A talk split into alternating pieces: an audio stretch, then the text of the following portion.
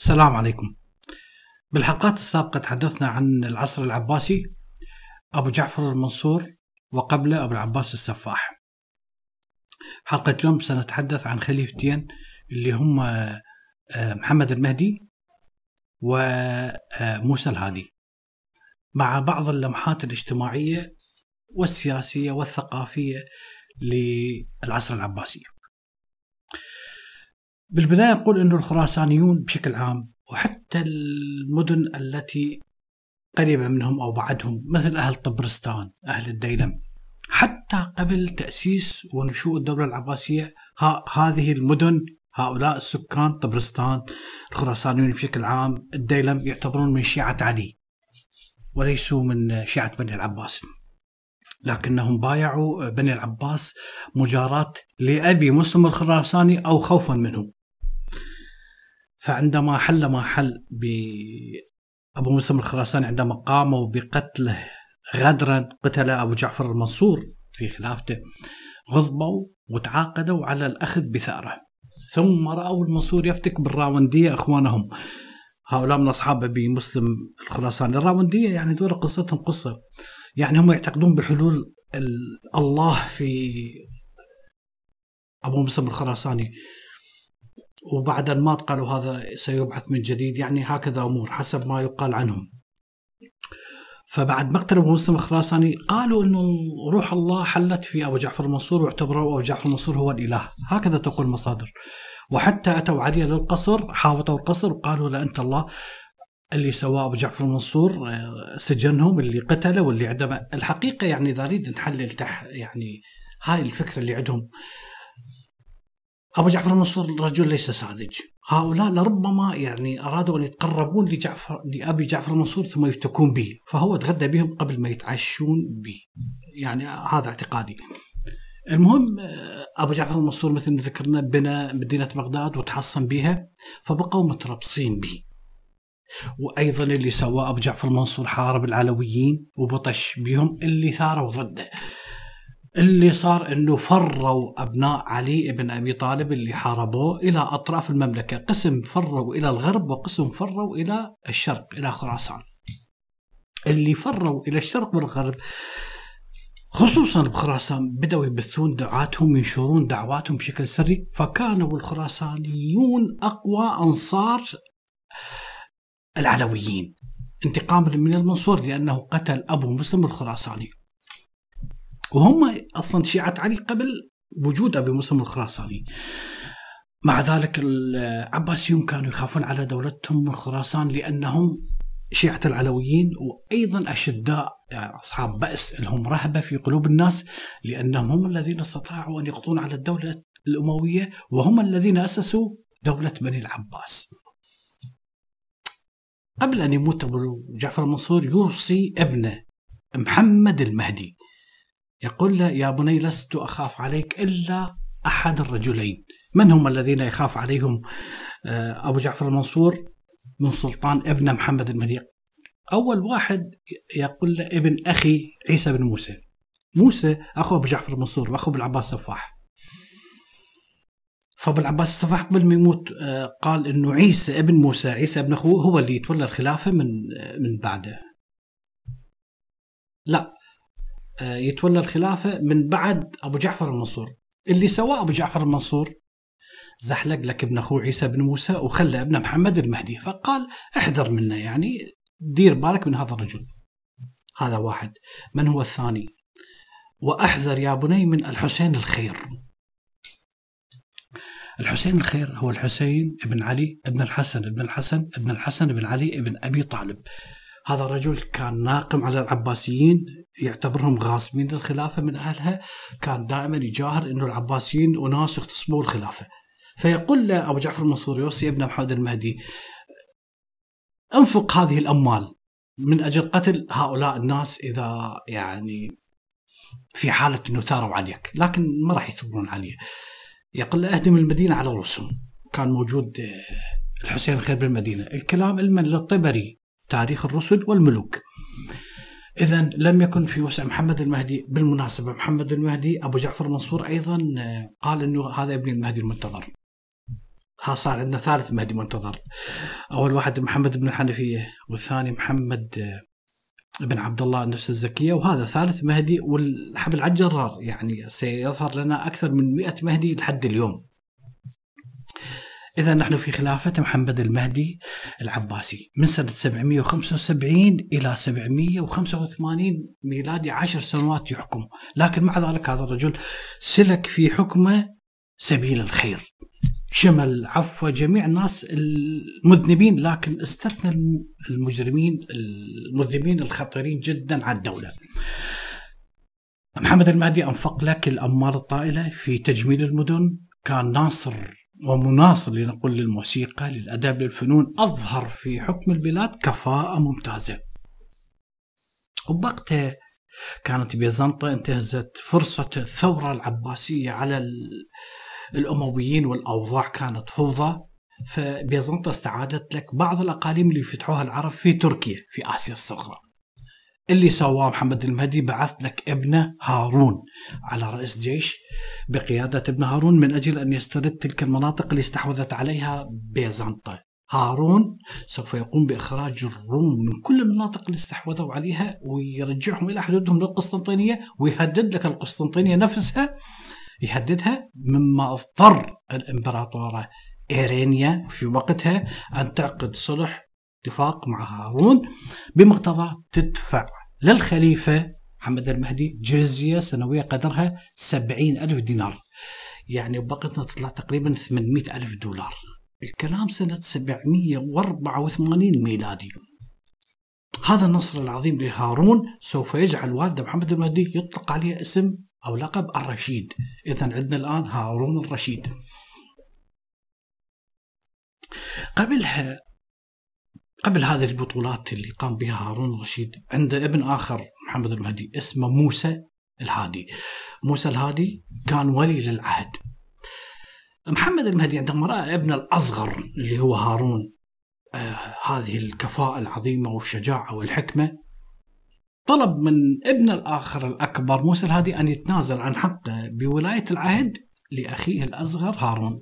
كنت سوف يرفض موسى الهادي وقتها كان يقود جيوش في المشرق في بلاد المشرق فلم يقبل أن يجيب أباه على هذا طلبه. رفض أن يطيع أوامره بالعودة إلى بغداد ولا يتنازل لأخوه الأصغر شقيقه ابن أمه وأبوه هارون الرشيد. اللي راح يقومون ب آه، محمد المهدي الخليفة وكذلك هارون الرشيد ابنه سوف يذهبون بجيش من أجل إلقاء القبض على موسى الهادي. وإرغامه على التنازل عن ولاية العهد. لكن محمد المهدي يموت في الطريق. كان عمره عندما توفى 43 سنة فقط. هارون كان آه، عنده رجل ناصح له. يحيى البرمكي. يحيى البرمكي ابن خالد البرمكي. فرأى آه، أن يتبع نصيحة يحيى. يحيى نصحه أنه تبايع أخوك موسى الهادي. بأن خليفة هو يصبح خليفة للمسلمين. وأنت يعني آه، من بعد تكون ولي للعهد.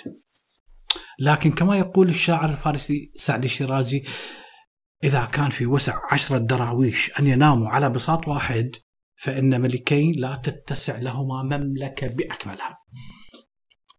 موسى الهادي لم يعترف بهارون الرشيد ولي العهد وبدل من ذلك آه، جعل ابنه أعتقد اسمه جعفر هو آه، ولي العهد وسجن يحيى البرمكي وضع ابنه ولي العهد. يموت موسى الهادي بعد زمن قصير سنة 786 حسب مؤرخين راجت إشاعة أن أم الخيزران أم أم أم, أم موسى الهادي وهي بنفس الوقت أم هارون الرشيد هي اللي قتلت موسى الهادي خنقا بالوسادة. كتمت أنفاسه عن طريق خدم أو كذا إلى وهو كان نايم إلى أن موته والحقيقة وأنا أطلع على يعني كتب ومؤلفات ومقالات عن العصر العباسي.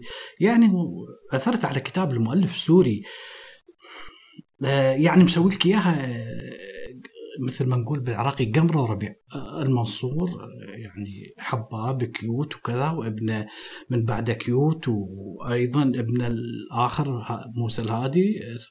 لا خلاف ولا ناس قتلت ناس ولا حتى تهمة ابدا يعني هيك الأمور حلوة و فهكذا هو المخيال القومتشي، القومتشية يصوروا لك العصر العباسي والأموي إنه حتى ناس تقتل ناس هذا مو هم هذا السبب، هاي الفورس.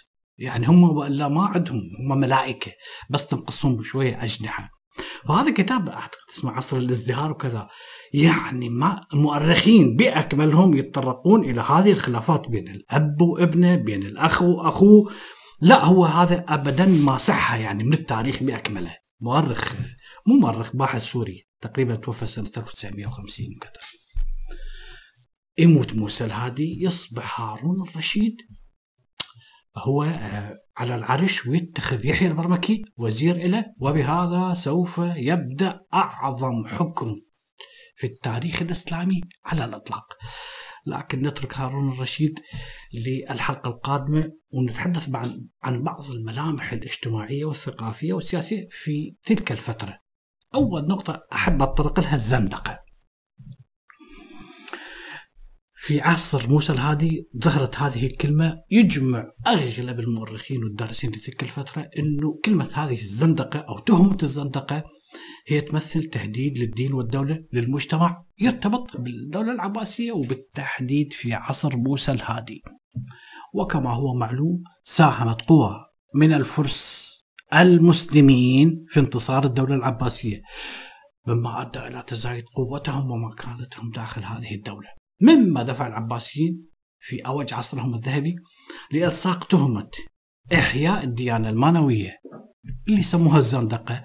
كذريعة للحد من نفوذ هؤلاء الفرس للمحافظة على مركز السلطة العباسية العربية. فكانوا أي فارسي ما يعجبهم يحيى البرمكي خالد البرمكي الفضل وجعفر ولد أو غيرهم. هذا زنديق هذا عبدة النار مجوسي. إحنا حتى شفناها بالحرب العراقية الإيرانية. كل العراقيين يقولون الفرس المجوس يعني لا توجد فرس وبس فرس المجوس. فهذه كانت التهمة اللي هنا يعني كانت تلصق بهم. لذلك هذا الأمر بالضبط ممكن نجده عند وصية المهدي لابن الهادي قبل أن يقوم بزحزحته ووضع هارون رشيد بدله المهدي وصى ابنه استئصال الزنادقة فيقول له بني إذا أستطعت أن يجرد السيف على هؤلاء افعل لأني رأيت جدي العباس بن عبد المطلب في المنام فقلدني سيفين لقتل أصحاب الاثنين. هو أصلا العباس بن عبد العباس بن عبد المطلب هذا رجل يعني يعني ماذا أقول عنه؟ يعني رجل مد... ما أعرف شلون أصبح له قدسية و... وبعد عيني أنفسنا حتى كل صلاة جمعة وعلى أعمامه حمزة والعباس. مثلا ماشي حمزة. رجل استشهد وكذا. بس هذا العباس رجل المهم نتركه هذا الكلام لمن هذا الكامل في التاريخ ابن الأثير. ما اريد أزعل واحد. اذا مع ذلك لا يجوز أن نحصر جميع الاضطهادات اللي حدثت بالعصر العباسي إنه فرس يريدون يعيدون الديانة المجوسية والمنوية والزرادشتيه لأن هم أصلا مسلمين أصبحوا ابا عن جد. اذا مع ذلك بعيدا عن الفرس سوف يتم إسقاط هذه التهمة أو إلصاق هذه التهمة بكل شخص ضد سياسة الدولة العباسية الثيوقراطية. سوف تمارس الدولة العباسية كل أنواع العنف لمواجهة أي شخص الشك به أنه يشكل تهديد لفلسفتها الثيوقراطية هذه الدولة الدينية قشور الدين طبعا هي. إذا سوف يقوم العباسيون ببلورة هذا المصطلح ويقوم فقهاءهم أيضا ب يعني آه مجاراتهم بهذا الشيء ويصبح مصطلح الزندقة يتم طلقه على كل معارضة يتم طلقه على كل تمرد على كل انشقاق يتم طلقه على اطلاقه على كل معتقد على كل نشاط يناقض هوية الدولة العباسية السلطوية الدينية للخلافه العباسية. يعني كما الآن حكومتنا الرشيدة آه، أي سني آه، يعني يحاول أن يصدى الحكومة داعشي يسموه داعشي. ومعاه صدام أي شيعي كان معارض فارسي يعني عميل فارسي داعشي. هاي كل السلطات تقوم بها على مر الزمان. والمكان في في كل الأزمنة. اذا أصبحت تهمة الزندقة فد واقع بلا حدود نهر بلا ضفاف تهمة خطيرة قد تكلف المتهم حياته. لا بل تكلفه حياته. يعني لربما يفضل أن يطلق عليه لقب قواد ولا يطلق عليه لقب زنديق. يعني القواد يجد إلى آه، مهنة عمل في قصور بني العباس مثلا لكن الزنديق لا هذا لا يوجد رحمة. اذا لم يكن كل هؤلاء المتهمين بالزندقة زنادقة حقا. إنما كانت هذه التهمة تكال جزافا. لا, لا العفو ليست جزافا وإنما لأسباب سياسية. الشخص اللي الدولة العباسية ما مقتنعه به وتخليه براسها تقول عنه زنديق. إذا مفهوم الزندقة كان سلاح تشهره كل فرقة في في ضد الفرقة الأخرى ليس فقط العباسيين والخلفاء مذاهب إسلامية مع بعضها البعض تتهم بعضها بالبعض بالزندقة. وزراء يتنافسون مع بعضهم البعض يتهم هذا الوزير بالزندقة. إذا هذا صارت آه، الزندقة تهمة على مستوى أوسع. والحقيقة وجدت إنه مؤرخين مثل ابن عساكر وابن النديم وابن كثير في البداية والنهاية يرجعون لك مصطلح الزندقة للعصر العباسي أصلا. العفو للعصر الأموي. قالوا إن الزندقة ليست عباسية بل أموية. هذه الكلمة أول ما ظهرت في العصر الأموي. يوجد عامل آه للخليفة هشام بن عبد الملك بن مروان اللي هو خالد القسري واللي نسيت أتحدث عنه أنا خاله براسي بس هذا نسيته فلت من عندي. خالد القسري أيضا سفاح مجرم درجة أولى. اللي سواه خالد القسري أنه في آه تعرفون الشعيرة الإسلامية في عيد الأضحى يذبحون آه، أضاحي غنم خرفان هذا ذبح له إنسان وأي إنسان الجعد بن درهم المعتزلي. أعظم أحد أعظم قادة الفكر المعتزلي. ذبح بتهمة الزندقة والكفر فهذا أول شخص ضحية للزندقة خلصنا من هذه مفهوم الزندقة اللي موجود بالعصر العباسي واللي برز في عهد موسى الهادي العباسي. عندنا حادثة تاريخية ثورة اسمها فخ. آه، أبو جعفر المنصور كان يحذر ابنه من الحسين الخير، الحسين الخير لن يثور على محمد المهدي، سوف يثور في عهد الهادي، سوف يخرج بالمدينة هذا الحسين الخير وكان معه جماعة كبيرة من أهل من اهله يعني من العلويين ولد عمه وكذا. من ضمنهم إدريس بن عبد الله بن الحسن بن الحسن يحيى بن عبد الله أخو إدريس سليمان بن عمهم واخوهم كلهم العفو أخوهم إيه؟ كلهم هؤلاء أبناء عبد الله بن الحسن بن الحسن بن علي بن طالب اللي عنده اثنين ولد محمد النفس الزكي وإبراهيم اللي ثاروا على المنصور. سقطك المدينة بالكامل. فاشتد أمره المدينة وما حولها. طرد عامل المدينة اللي كان يصير يصير المعامله معهم. زين. هذا العامل العباسي طردوه وبايعوا الناس الحسين الخير. اذا قام هو وأصحابه بالمدينة أيام يجهزون لقتال الدولة العباسية ثم خرجوا إلى مكة المكرمة. ارسل أرسل لهم موسى الهادي الجيش العباسي.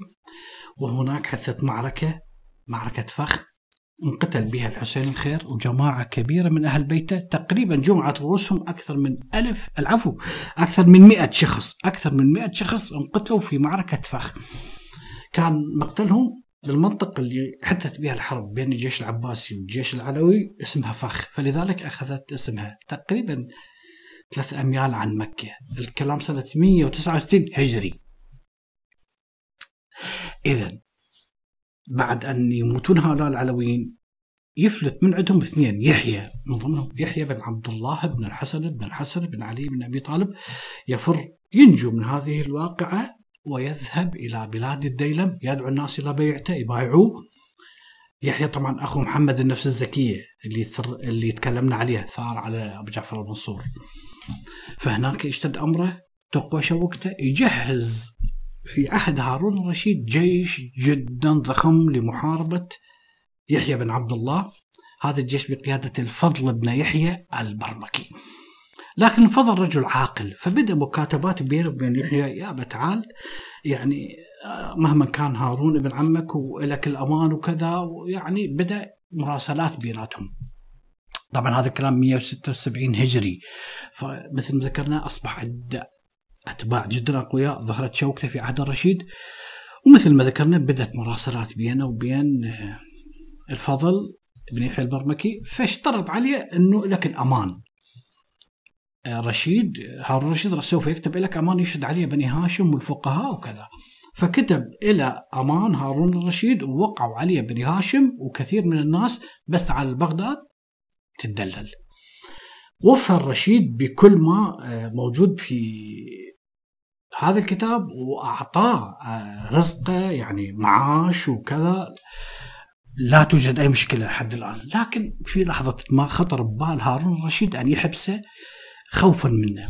لكنه لم يستطع أن يحبسه، لماذا؟ لأنه بين هارون وبين يحيى يوجد عهد موقع من بني هاشم من فقهاء اجمع هارون الرشيد الفقهاء ما هو رأيكم بهذا العهد؟ صحيح لو باطل؟ أبو يوسف القاضي تلميذ أبو حنيفة قال لا هذا العهد صحيح فما تستطيع أنه يعني تسجنه أو تقتله أبدا لكن نعرف أنه في كل عهد غالبية الفقهاء هم متملقين للسلطان. فقيه اسمه أو قاضي أبو البختري. قال لا هذا باطل. باطل هذا العقد من ناحية كذا وكذا وكذا. هذا اجى من جانب هارون الرشيد مزق الكتاب وقال القوه بالسجن. انطى المن جعفر البرمكي قال تسجنه. جعفر رأى إنه هذا الرجل مظلوم. وبينه وبين هارون اتفاق. هارون أخل بالاتفاق. اذا قرر بينه وبين نفسه أن يطلق صراحة لأن هذا مسكين. ما يدري إنه هارون سوف يسأل عنه. المهم بعث على يحيى آه، آه، بن عبد الله وخاطبه فتوسل إليه قال لا تقتلني قال لا أنا ما أريد أقتلك. يعني هو قال اتق الله في أمري. لا تخلي الرسول محمد غدا خصيم خصيمك في الآخرة. والله أنا ما أحدث حدث ولا ناوي إساءة لهارون الرشيد. فرق إلى جعفر البرمكي وقال لا لا أنا أريد أطلق سراحك اذهب حيث شئت. قال كيف أذهب وأنا يعني مطلوب للعدالة؟ فقال لا أنا سوف ابعث معك أشخاص يعني يودوك إلى المكان الآمن. وهنا المؤرخين يختلفون. يعني قسم من يقول أنه سجن ثم قتل بالسجن وقسم يقولون لا جعفر المهم يعني تنتهي لحد هنا لا يوجد شيء اسمه يحيى بن عبد الله ينتهي من صفحة التاريخ.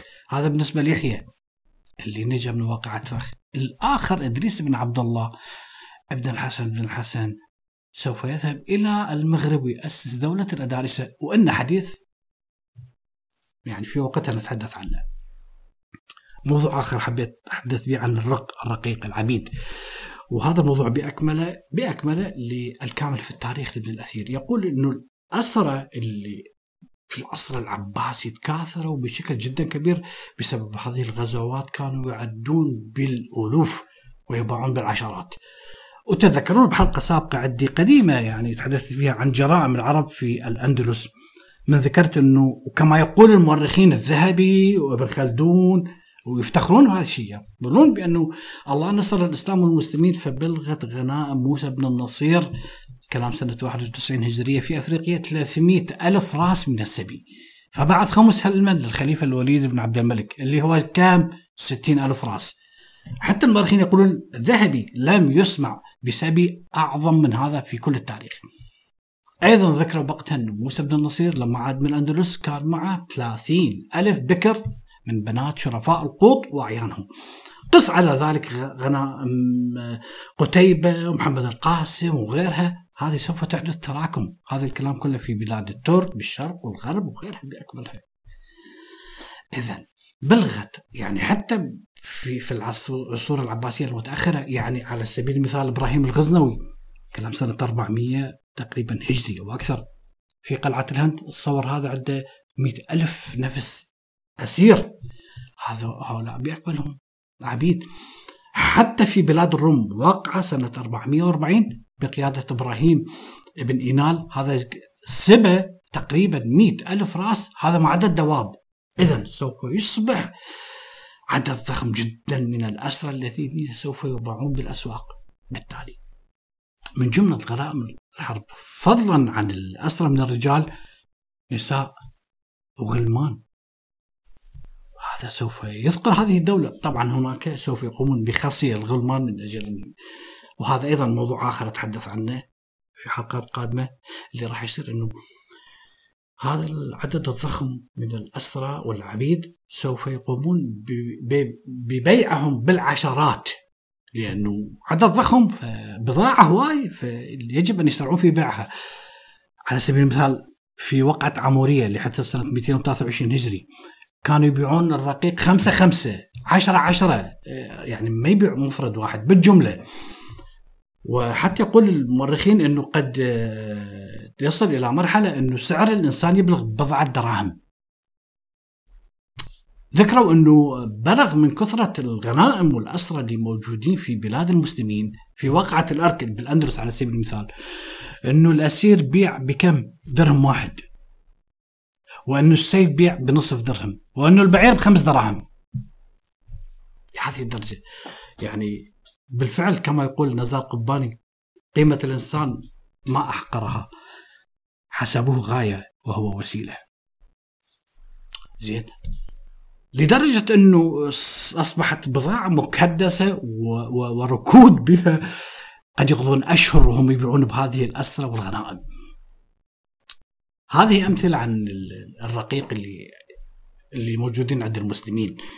غير ما كان يرسلوه بعض العمال من للبلاط. يعني كل سنة آه، من تركستان والهند وغيرها والصين بلاد البربر بأكملها فأصبحت هذه سوق رائجة جدا. وللأسف الشديد يعني العقلية الدينية أبدا لم تستنكر هذا الشيء بل هي تعتبره شيء جدرع بحيث كثير من الفقهاء يفتون أنه في عيد الفطر أو الأضحى يستحب أنه شخص يشتري له جارية عبد أو كذا أو شيء. وهذا موضوع يعني راد واحدة إرادة لطمية. طيب ماذا عن الموالي؟ الموالي اللي هم غير العرب اللي هم أغلبهم الفرس يعني نقول هذا. وهذا معظم الحلقة عن كتاب الأغاني لأبي الفرج الأصفهاني.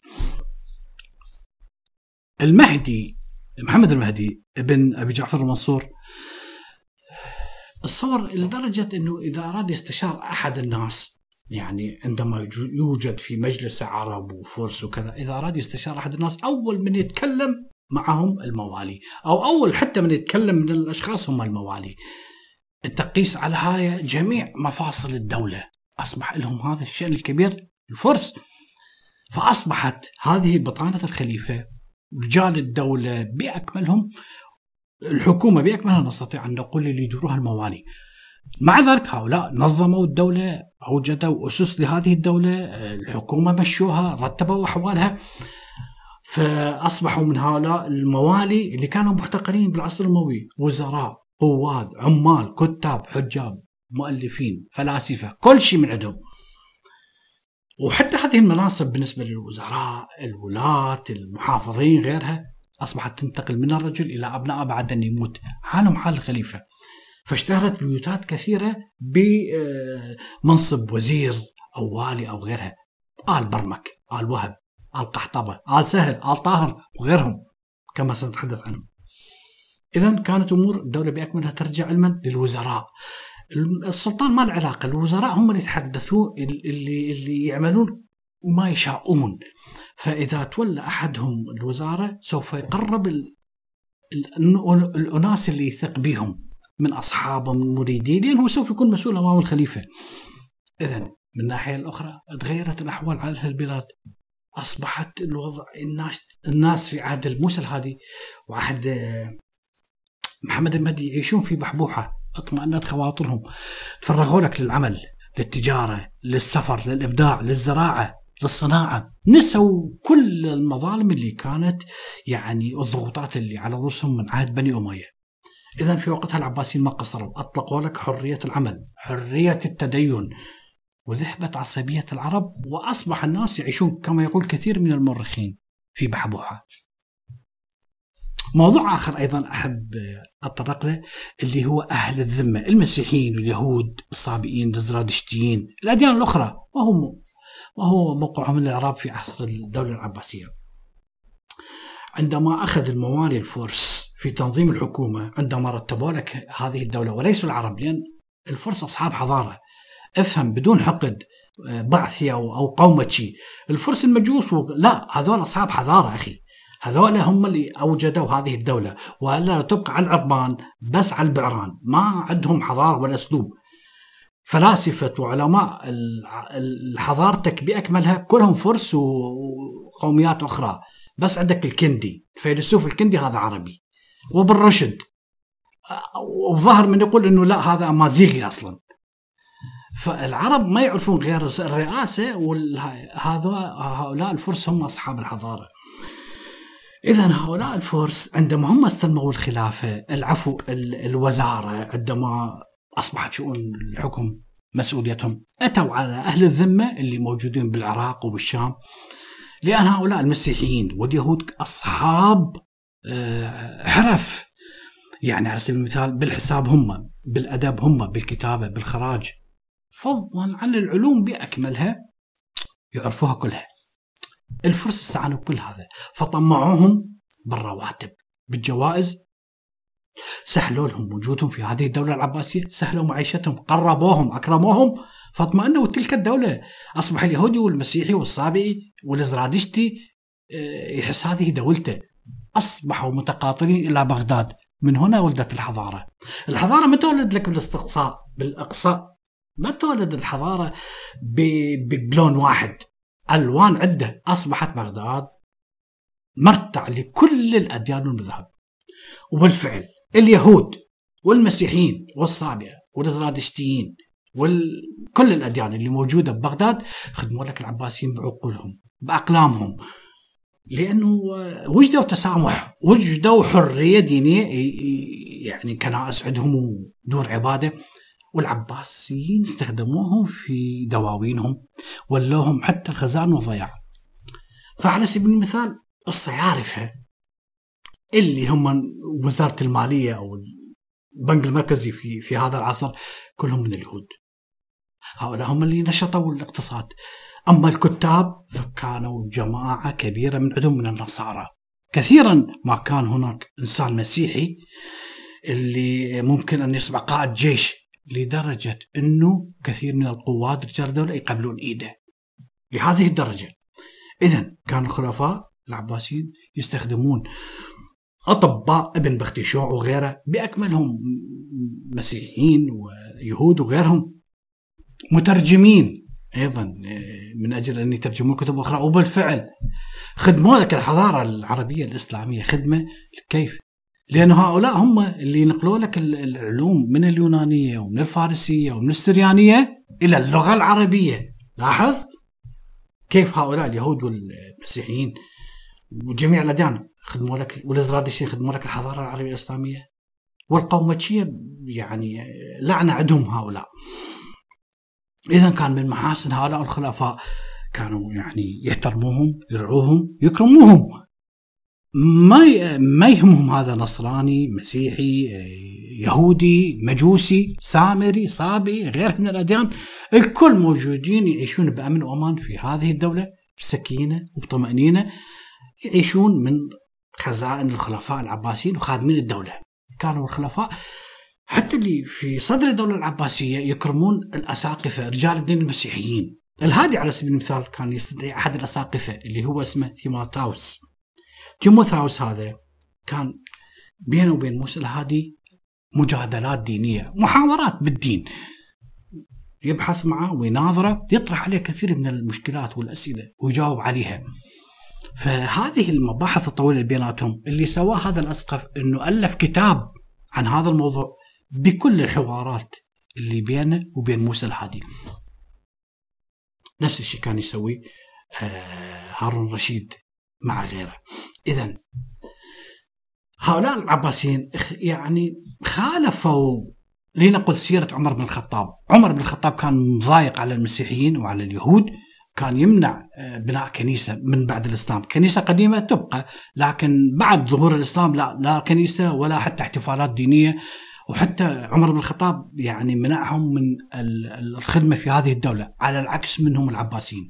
سهلوا لك انهم الاختلاط بالدولة أظهروا احترام كبير لديانتهم حتى أصبح المسيحيين في أعيادهم أو أعتقد أعياد المسلمين يهدون علما أيقونات لبعض القديسين للخلفاء. هل يوجد اضطهاد؟ نعم. تكلمنا عن الجانب الإيجابي. يوجد اضطهاد. لاهل الذمة. المتوكل العباسي وهذا ما يدخليش من زوري كما يقول المصريين. يعني إذا يوجد خليفة أكره فهو هذا المتوكل. يعني مع احترامي لعبد الملك والوليد بن عبد الملك آه، أبو العباس سفاح آه، هارون الرشيد المأمون العباسي. هذا الرجل مو هذا الموضوع. تيب في وقته بعد حلقتين أو كذا. المتوكل العباسي كان شديد الوطأة على المسيحيين واليهود بشكل جدا كبير. هذا لعنة على الخلفاء العباسيين. على العكس من عندهم. أمر لك بهدم جميع الكنائس التي أنشئت بعد تأسيس الإسلام بعد العفو وجود الإسلام. لا يتعين أي أحد منهم بأي منصب لا مسيحي لا يهودي لا أي ديانة أخرى لا مجوسي كذا. ممنوع حتى الصلبان تظهر في الأعياد وغيرها. هو حتى الشيعة قام بقمعهم بدون أي ثورة يعني حتى بدون أن يثورون عليه. هدم مرقد الإمام الحسين هكذا يعني واحد مخبول هذا حرامات يعني. كفر يستلم دولة ودولة عريقة وعريضة جدا تمتد من الصين إلى الأطلسي. اللي هنا يتوقف الأمر؟ لا. أمر لك إنه المسيحيين الموجودين واليهود وكذا المسيحيين بشكل عام إنه توضع على أبوابهم صور شياطين على شكل خشب مرسومة. وأن يلبسون آه، طيالسة عسلية. وأن يشدوا لك زنار وأن يركبون سروج خاصة بها في الترتيب خاص. وأنه إذا لابس لبس جميل لا لازم توجد به بالقليل فد رقعتين باللبس. مقدارها أربع اصابع يعني سخيف جدا هذا الرجل. والرقعة يعني تخالف الثوب لازم. يعني يعني ثوبك آه، أزرق الرقعة حمراء مثلا. أربع اصابع مو أقل ولون كل وحدة يغير لون الثوب. منع حتى خروج نساء المسيحيات أن تلبس يعني ملابس حال حال البقيه لا لازم تلبس إزار عسلي. حتى منعهم من لبس آه، يعني أمور تخصهم زيهم القومي أو غيره. ومثل ما ذكرت هذا الرجل معتوه هذا المتوكل معتوه جدا. فانتقم من كل شخص غير مسلم سني. لذلك حتى السنة شو يسموه؟ يسموه محيي السنة. حلموا به بعد يعني أحد أحد الصالحين.